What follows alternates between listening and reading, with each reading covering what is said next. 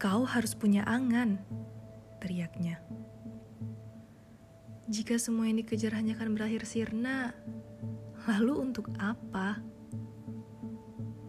Kalaulah memang hanya untuk menikmati rasa menjadi manusia, lalu mengapa risau dicipta? Jika memang telah digariskan, mengapa harus berkeringat darah dalam menggapainya? Dan jika memang hanya perjalanan, mengapa banyak yang menjadikannya tujuan? Sukma yang dulu, ke mana dia?